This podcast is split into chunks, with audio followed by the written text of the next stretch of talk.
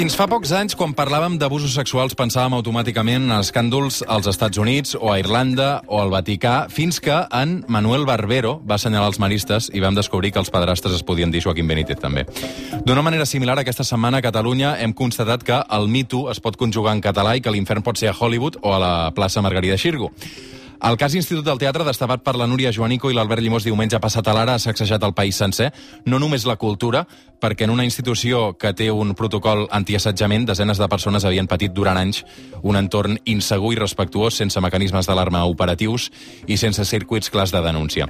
Per dir-ho les mateixes paraules que apareixen al protocol de l'Institut del Teatre, aquestes que explicàvem, la magnitud del terratrèmol l'hem anat calibrant amb els dies, per això aquestes paraules de la directora de l'Institut, eh, Magda Puyo, fa set dies al suplement, avui ja no tenen cap sentit. Vostè ha parlat amb Joan Uller? Sí. Què li ha dit? Uh, crec que era una conversa íntima. No tenen sentit perquè ni allò era una conversa privada ni Puyo estava en disposició de resoldre una situació que feia temps que li havia passat per sobre. De fet, ahir va acabar dimitint. Núria Joanico, què tal? Bon dia. Bon dia. La Núria Joanico és una de les periodistes que signava aquesta informació fa vuit dies i set dies després el més recent és aquesta dimissió. Um, la magnitud del terratrèmol no sé si la teníeu calculada o no uh, i si tot el que ha passat d'alguna manera era previsible o no, Núria? Clar, nosaltres quan vam decidir publicar aquest reportatge el que ens va empènyer a fer-ho era sobretot a visibilitzar aquesta situació. O sigui, creiem que era molt important explicar-ho i, i molt necessari. Uh, aquesta última setmana hem vist uh, que això ha provocat una, una llau de reaccions, no? moltíssima gent uh, sumant-se, explicant les seves pròpies experiències, uh, molts nous testimonis no? que han sorgit arran d'això. Uh, I també ha provocat, com deies, la, la dimissió de, de la Magda Puyo i el seu equip directiu. Jo no crec que a mi em correspongui valorar si, si és una bona decisió o no, jo crec que això no, no és cosa... no em pertoca a mi, però sí que m'agradaria dir que nosaltres uh, vam exposar casos uh, que van passar al llarg de, de tres dècades i que uh, al final l'única persona o les úniques persones que han assumit responsabilitats aquí ha sigut eh, la Magda Puyo el seu equip directiu. La Magda Puyo va entrar a dirigir l'Institut del Teatre el 2016. Per tant, eh, crec que l'honora i crec que s'ha de, se li ha de reconèixer no, aquesta, aquesta valentia, en aquest sentit. I realment la, el comunicat que hi havia ahir eh, no tenia res a veure amb, amb el que havia dit i, i era un comunicat que eh, d'entrada es disculpava amb les víctimes. Eh, tinc la sensació que un cop es publica una informació com aquesta, Núria, passem per diferents fases. No? Primer l'impacte, després el dubte, fins i tot, després la constatació i les conseqüències, que és on hem arribat una setmana després. Eh, Tu ho, ho veus també i ho vius una mica així? Sí, uh, l'impacte uh, és veritat que va arribar molt de pressa. Uh, ho vam publicar nosaltres el dissabte a la nit a la web i el diumenge ja estàvem tenint uh, les xarxes socials uh, doncs, moltíssimes reaccions.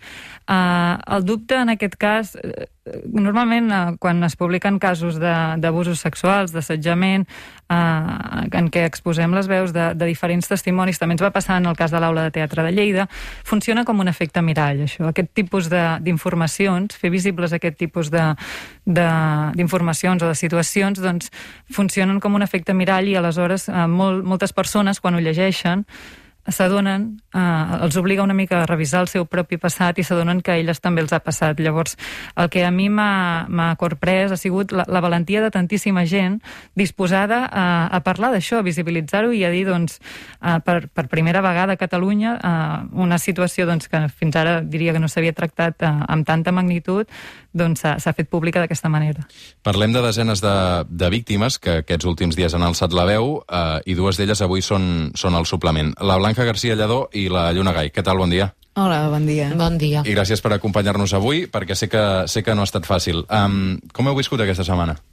Molt intensa. Abans, abans jo, abans de dir-te una cosa que has dit, hi ha desenes de víctimes, um, jo no, avui no vinc amb, amb la màscara de víctima a la ràdio. Ho vaig ser fa 12 anys, eh, fa molt de temps, i justament és una de les coses que vull reivindicar perquè tant els medis de comunicació com, com gent del meu entorn, xarxes socials, etc, se'ns està victimitzant d'una manera com si necessitéssim un suport i un caliu que jo en aquest cas parlo per mi, ja sé que el tinc, ja sé que tinc el suport de molta gent, però no crec que això sigui la, la manera de que això serveixi per, per fer un abans i un pas endavant. Això volia deixar-ho clar.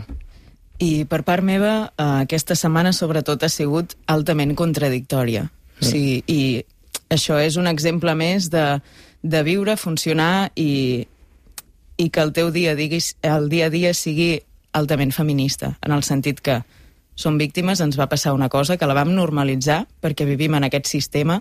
Uh, faig un parèntesi, tot el que dic és transversal, no només és del nostre gremi, sinó que uh -huh. passa a tot arreu, aleshores.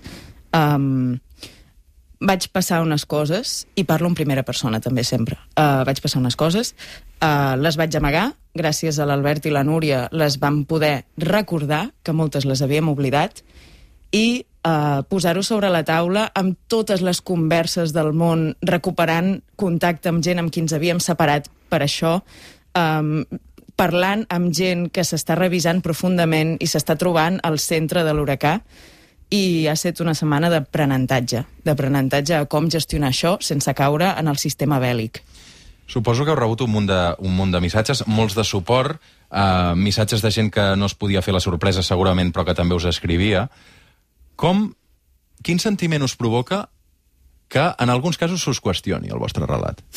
A mi no se m'ha qüestionat el meu relat, de, de fet, tot, tot el contrari. Um, potser el meu cas va ser un dels lleus, però a mi el que... O sigui, aquesta setmana i el que trec ha sigut que tot, amb totes les persones que he parlat hem compartit unes reflexions, era el que deia la Blanca, ha sigut una setmana d'aprenentatge molt heavy, però també una de les coses que vull recalcar i que vull posar damunt de la taula és que hi ha molta gent que segueix tenint por a fer pública i explicar les seves històries. Hi ha una gran part de persones que sí que amb tot aquest eh, escàndol i rebombori han tingut la necessitat de parlar, però de parlar a nivell privat.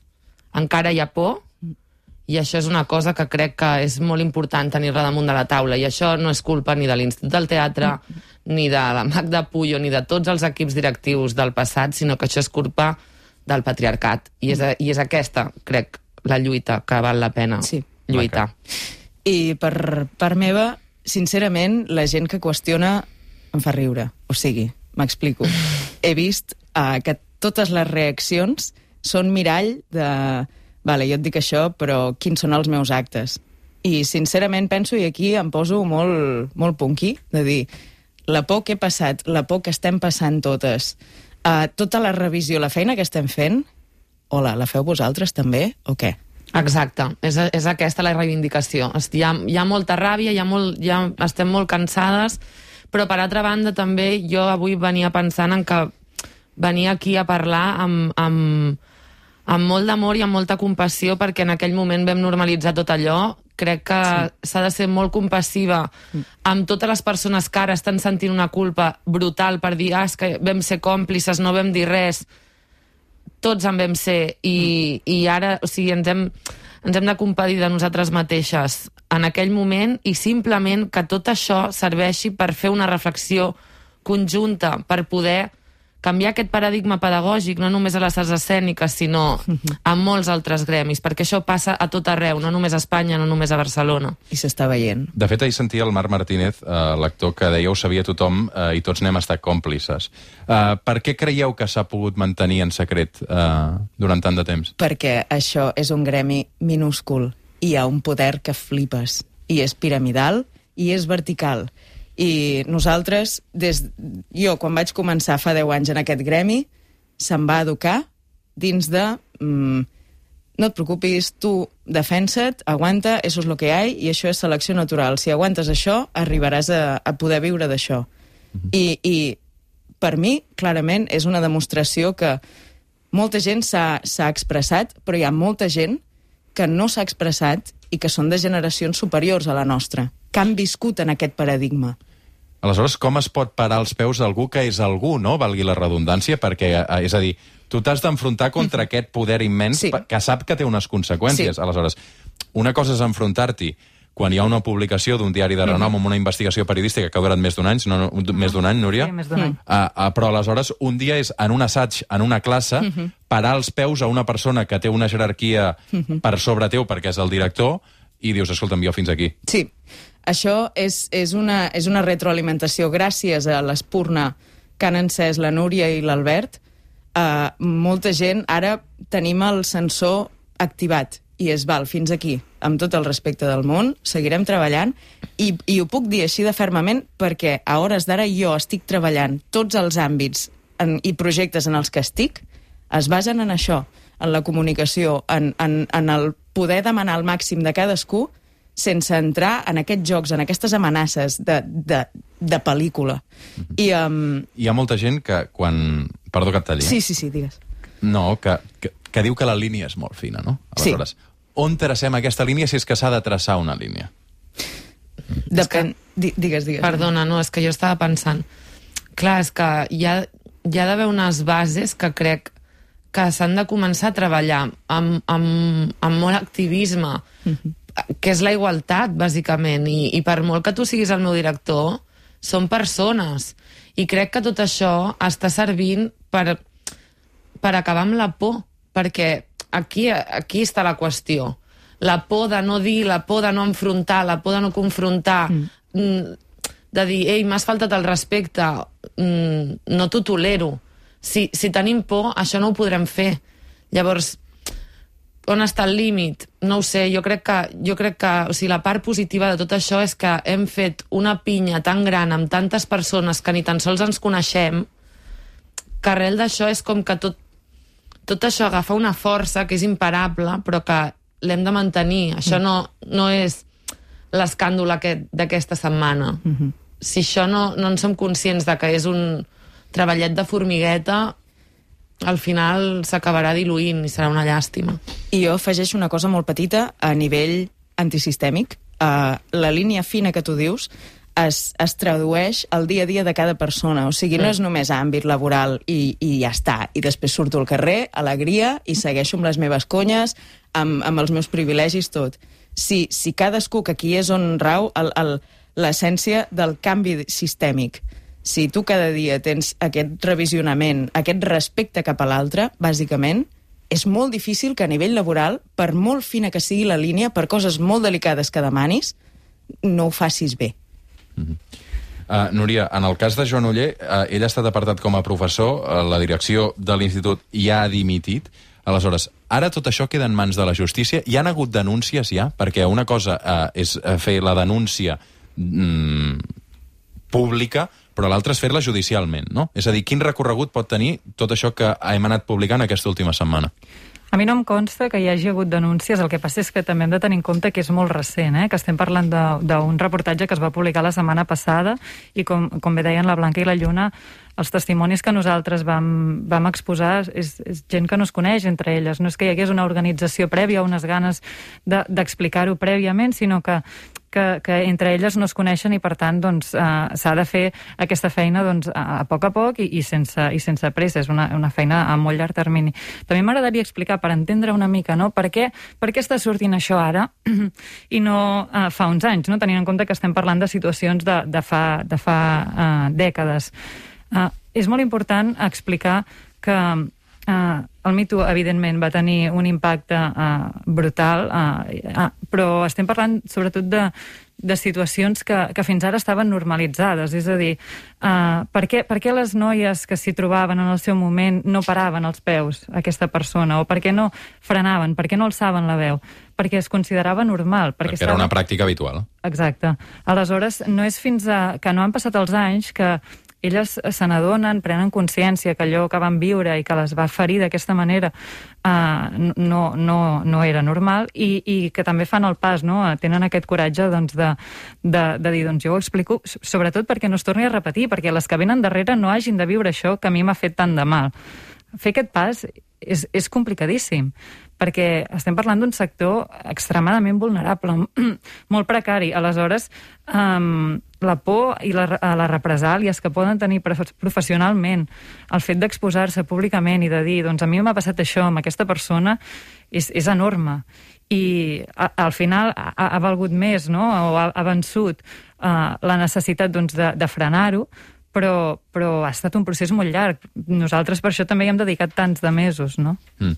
Uh, I ara està molt centrat en, en el teatre, en la cultura, però, com bé apuntaven abans, um, és evident que un cas com aquest pot esclatar al món de l'esport, al món de l'empresa privada, al món de la política, que anem tonguir-te l'un, al món del periodisme, un dia també en sortirà un. Vull dir que um, això és un atac d'oli que s'anirà fent més gran, segurament, no, Núria? No sé si fins i tot esteu treballant ja en aquesta línia. no, no, de moment encara estem... Vull dir, nosaltres estem compromesos en, en seguir donant veu a aquestes situacions, però com comprendràs, ara de moment estem amb aquest tema uh, que, que ha, ha sigut monumental, no? i està sent monumental. El que sí que és veritat és que uh, la reacció social Uh, o sigui, el que ha demostrat aquesta última setmana és que això ha interpel·lat uh, a tots els àmbits, perquè l'abús de poder és transversal. L'abús de poder no afecta només les arts escèniques. Què és abús de poder? L'abús de poder um, és uh, una persona, vaja, és que t'ho estic dient, però no tinc la definició exacta, eh? però una persona que té poder és responsable de les seves accions. Aleshores, tu uh, jeràrquicament tens una responsabilitat i aquest poder uh, l'has de saber gestionar. No, no pots utilitzar aquest poder per eh, ferir altres persones perquè per aconseguir doncs, uh, que, que facin coses que, que elles no volen. Vaja, abusar, no? Així, el que, el que entenem per, per abusar. Aleshores, clar, el que ha fet això és transcendir en tots els àmbits de la societat, no? Uh, i, I fins ara, doncs, no, no s'havia no uh, parlat d'això a tot a tots els àmbits. Nosaltres no volíem criminalitzar les arts escèniques, vam començar buscant en el món de les arts escèniques, però sense la intenció de criminalitzar-ho, i el que, i el que s'ha demostrat és que, és que poc o molt al nostre entorn això és una pràctica doncs, que, que és recurrent i que, i que fins ara estava normalitzada. Blanca. Sí, només un apunt a nivell d'opinió pública. Eh, des de fa anys que han anat sortint casos, Aula de Lleida, Sant Cugat, eh, ara l'Institut, el cas Pasqual, en què en tots els casos que no són el de l'Institut, a nivell d'opinió pública hi ha hagut linxament cap a les persones que han denunciat. Quan legalment eh, els hi deien però denuncieu però no sé què, tal, sense tenir en compte tots aquests factors. Ara s'està veient, vinc a portar un punt positiu també, que és que a nivell social ja s'està visibilitzant tant més aquesta, aquest funcionament alternatiu eh, al sistema imperant que això ajuda a altra gent de tantíssims altres, eh, a, altres sectors, com per exemple ahir la directa sortia un article en què una universitat de Castelló eh, s'està, la universitat no s'està posant les piles, sinó els grups feministes de dins la universitat. I espero molt que això sigui un atac d'oli que ho empastifi tot. Hi havia un fil de l'Andrea Rosa aquesta setmana eh, fantàstic que deia Uh, et diuen fleuma, oportunista, trepa, ninyata, mala actriu, imbècil, irrespectuosa, mancada de disciplina, et diuen que no aguanta res, sí que per què eh, no ho vas parar, que per què no ho vas dir llavors i molta gent deixa de contractar-te. Sí. Això us fa patir, encara, a partir d'ara, o creieu que ha canviat? És a dir, que us deixin de contractar pel que heu denunciat? Mira, sincerament, eh, la setmana passada, quan em van demanar si posava el nom o no al reportatge, el primer que vaig pensar, perquè és el que se m'havia inculcat, és no trucaran mai més. Immediatament he pensat en el meu present, que estic en una cooperativa, que estic en projectes que no tenen res a veure amb aquest funcionament, i sincerament puc dir que me la pica si qualsevol d'aquesta gent no em contracta perquè jo així no torno a treballar. Lluna. Jo és que a mi aquesta gent mai m'ha donat feina, vull dir, mai m'ha contractat, sóc una actriu precària absolutament, vull dir, jo ara estic fent les meves pròpies creacions, me les produeixo jo, vull dir que a mi també me la mm. sua completament sí qui em contracti, qui no... Mm, això, això és una de les altres realitats eh, que s'ha sí, de tenir en sí, compte. Sí. Vull dir que, que dins l'Institut del Teatre també mm, existeix aquesta realitat que és o entres en aquest corser sí. de, de aquest, o sigui, en aquest perfil i si no entres no treballaràs en general, després tu et buscaràs la vida o no, i crec que això, hòstia, és molt guai que es pugui canviar, perquè justament és aquest el tema, que es pugui acabar com en aquesta pedagogia de la por i es pugui començar a, a, a incloure una pedagogia de la llibertat d'expressió creativa. Sí. I, I això, òbviament, que hi ha hagut professors durant tots aquests anys que, que, ho han, que ho han transmès, vull dir, ara no anem a dir tots els profes eren uns fills de puta, no, no. hi han hagut mm, profes guais, i és això. Mm. Un segon, eh? Cinc minuts per arribar a dos quarts d'onze. Perquè la Diputació de Barcelona és la institució de la qual depèn l'Institut del Teatre. I la pregunta és, i ara què? Uh, Joan Carles García Cañizares, cap de l'àrea de cultura de la Diputació de Barcelona. Molt bon dia. Hola, molt bon dia. I gràcies per atendre'ns aquesta trucada l'endemà de la dimissió de l'equip directiu de l'Institut. I ara què?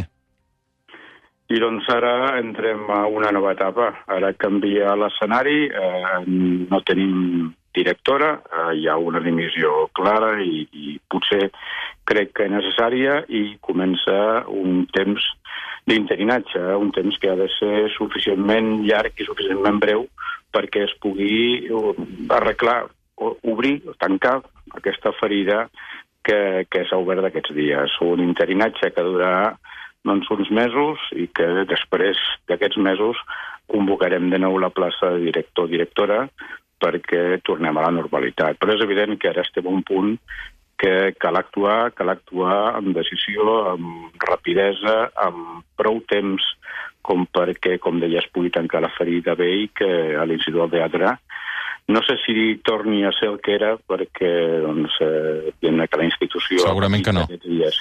Per això, justament, ha patit eh, aquesta, aquesta, mm. aquesta embanada important, però que segurament, pel que, pel que anem sentint, ve de fa temps, i si ve de fa temps, i ara sentia a les dues persones que tenim aquí a l'estudi, doncs si fa temps eh, no hem de tornar al que era, sinó hem de tornar a una situació nova, renovada, i sent el que és. És un centre que el que pretén és educar, és ensenyar actors, a gent de les arts escèniques, perquè es defensin a la vida sense tindre cap lligam ni cap eh, factura a pagar a ningú que els estigui doncs, eh, ensenyant a l'institut. Insisteixo pel que sentia també dir que estem parlant doncs, eh, d'unes denúncies a uns professors, uns sabem noms, altres en principi no, no s'han donat, però no, evidentment, a tot el col·lectiu de professors i professores de l'institut. La meva pregunta és, eh, la, la Diputació de Barcelona té algun tipus de responsabilitat sobre tot el que ha passat, en tant que és l'ens del qual depèn l'Institut del Teatre? De fet, l'Institut del Teatre és un, un, un institut autònom, de, és, un, és un organisme autònom, per tant, té vida pròpia. Uh, sí que té una junta de govern que, que presideix la presidència de la Diputació de Barcelona i que hi ha uns representants, però el que fa és derivar tota la feina educativa, tota la feina de funcionament a la direcció, a les direccions de les escoles i tota, el, tota la responsabilitat, en principi, del sector educatiu, pedagògic, depèn de la, de la direcció i depèn del, de l'Institut del Teatre i el que fa la Diputació de Barcelona és, evidentment, finançar-ho, eh, escoltar el que diuen des, de, des del propi institut i actuar en conseqüència. Per tant, diguem-ne que responsabilitat, evidentment, li té, que el que succeeix a l'interior, doncs, quan passa una cosa com aquestes, eh, ens hi hem de posar i ens hi posem, però habitualment el que fem és deixar fer a la direcció i deixar fer doncs, el funcionament normal de l'institut, de, de l'organisme autònom, que és el que és. Mm -hmm. El Joan Carles García Cañicer és cap de l'àrea de Cultura de la Diputació de Barcelona. Moltes gràcies, bon dia. Moltes gràcies, bon dia. Dos minuts per arribar a dos quarts d'onze del matí. Us volia agrair molt que, que avui hagueu volgut passar pel, pel suplement. Sé que no ha estat fàcil. Uh, sé que el nostre equip de, de producció també hi ha treballat de valent amb tots vosaltres. Uh, I gràcies també a la Núria Joanico. Felicitar-la una altra vegada per la feina. Moltes gràcies. Uh, i, I res. Uh, alguna cosa més? Lluna Blanca? Mm, Estem bé? Que estem bé. Tot. Fantàstic. Sí. Uh, Moltes gràcies eh, per l'oportunitat. Molt bé. Gràcies a vosaltres. Fem una petita pausa i de seguida continuem el suplement. Fins ara.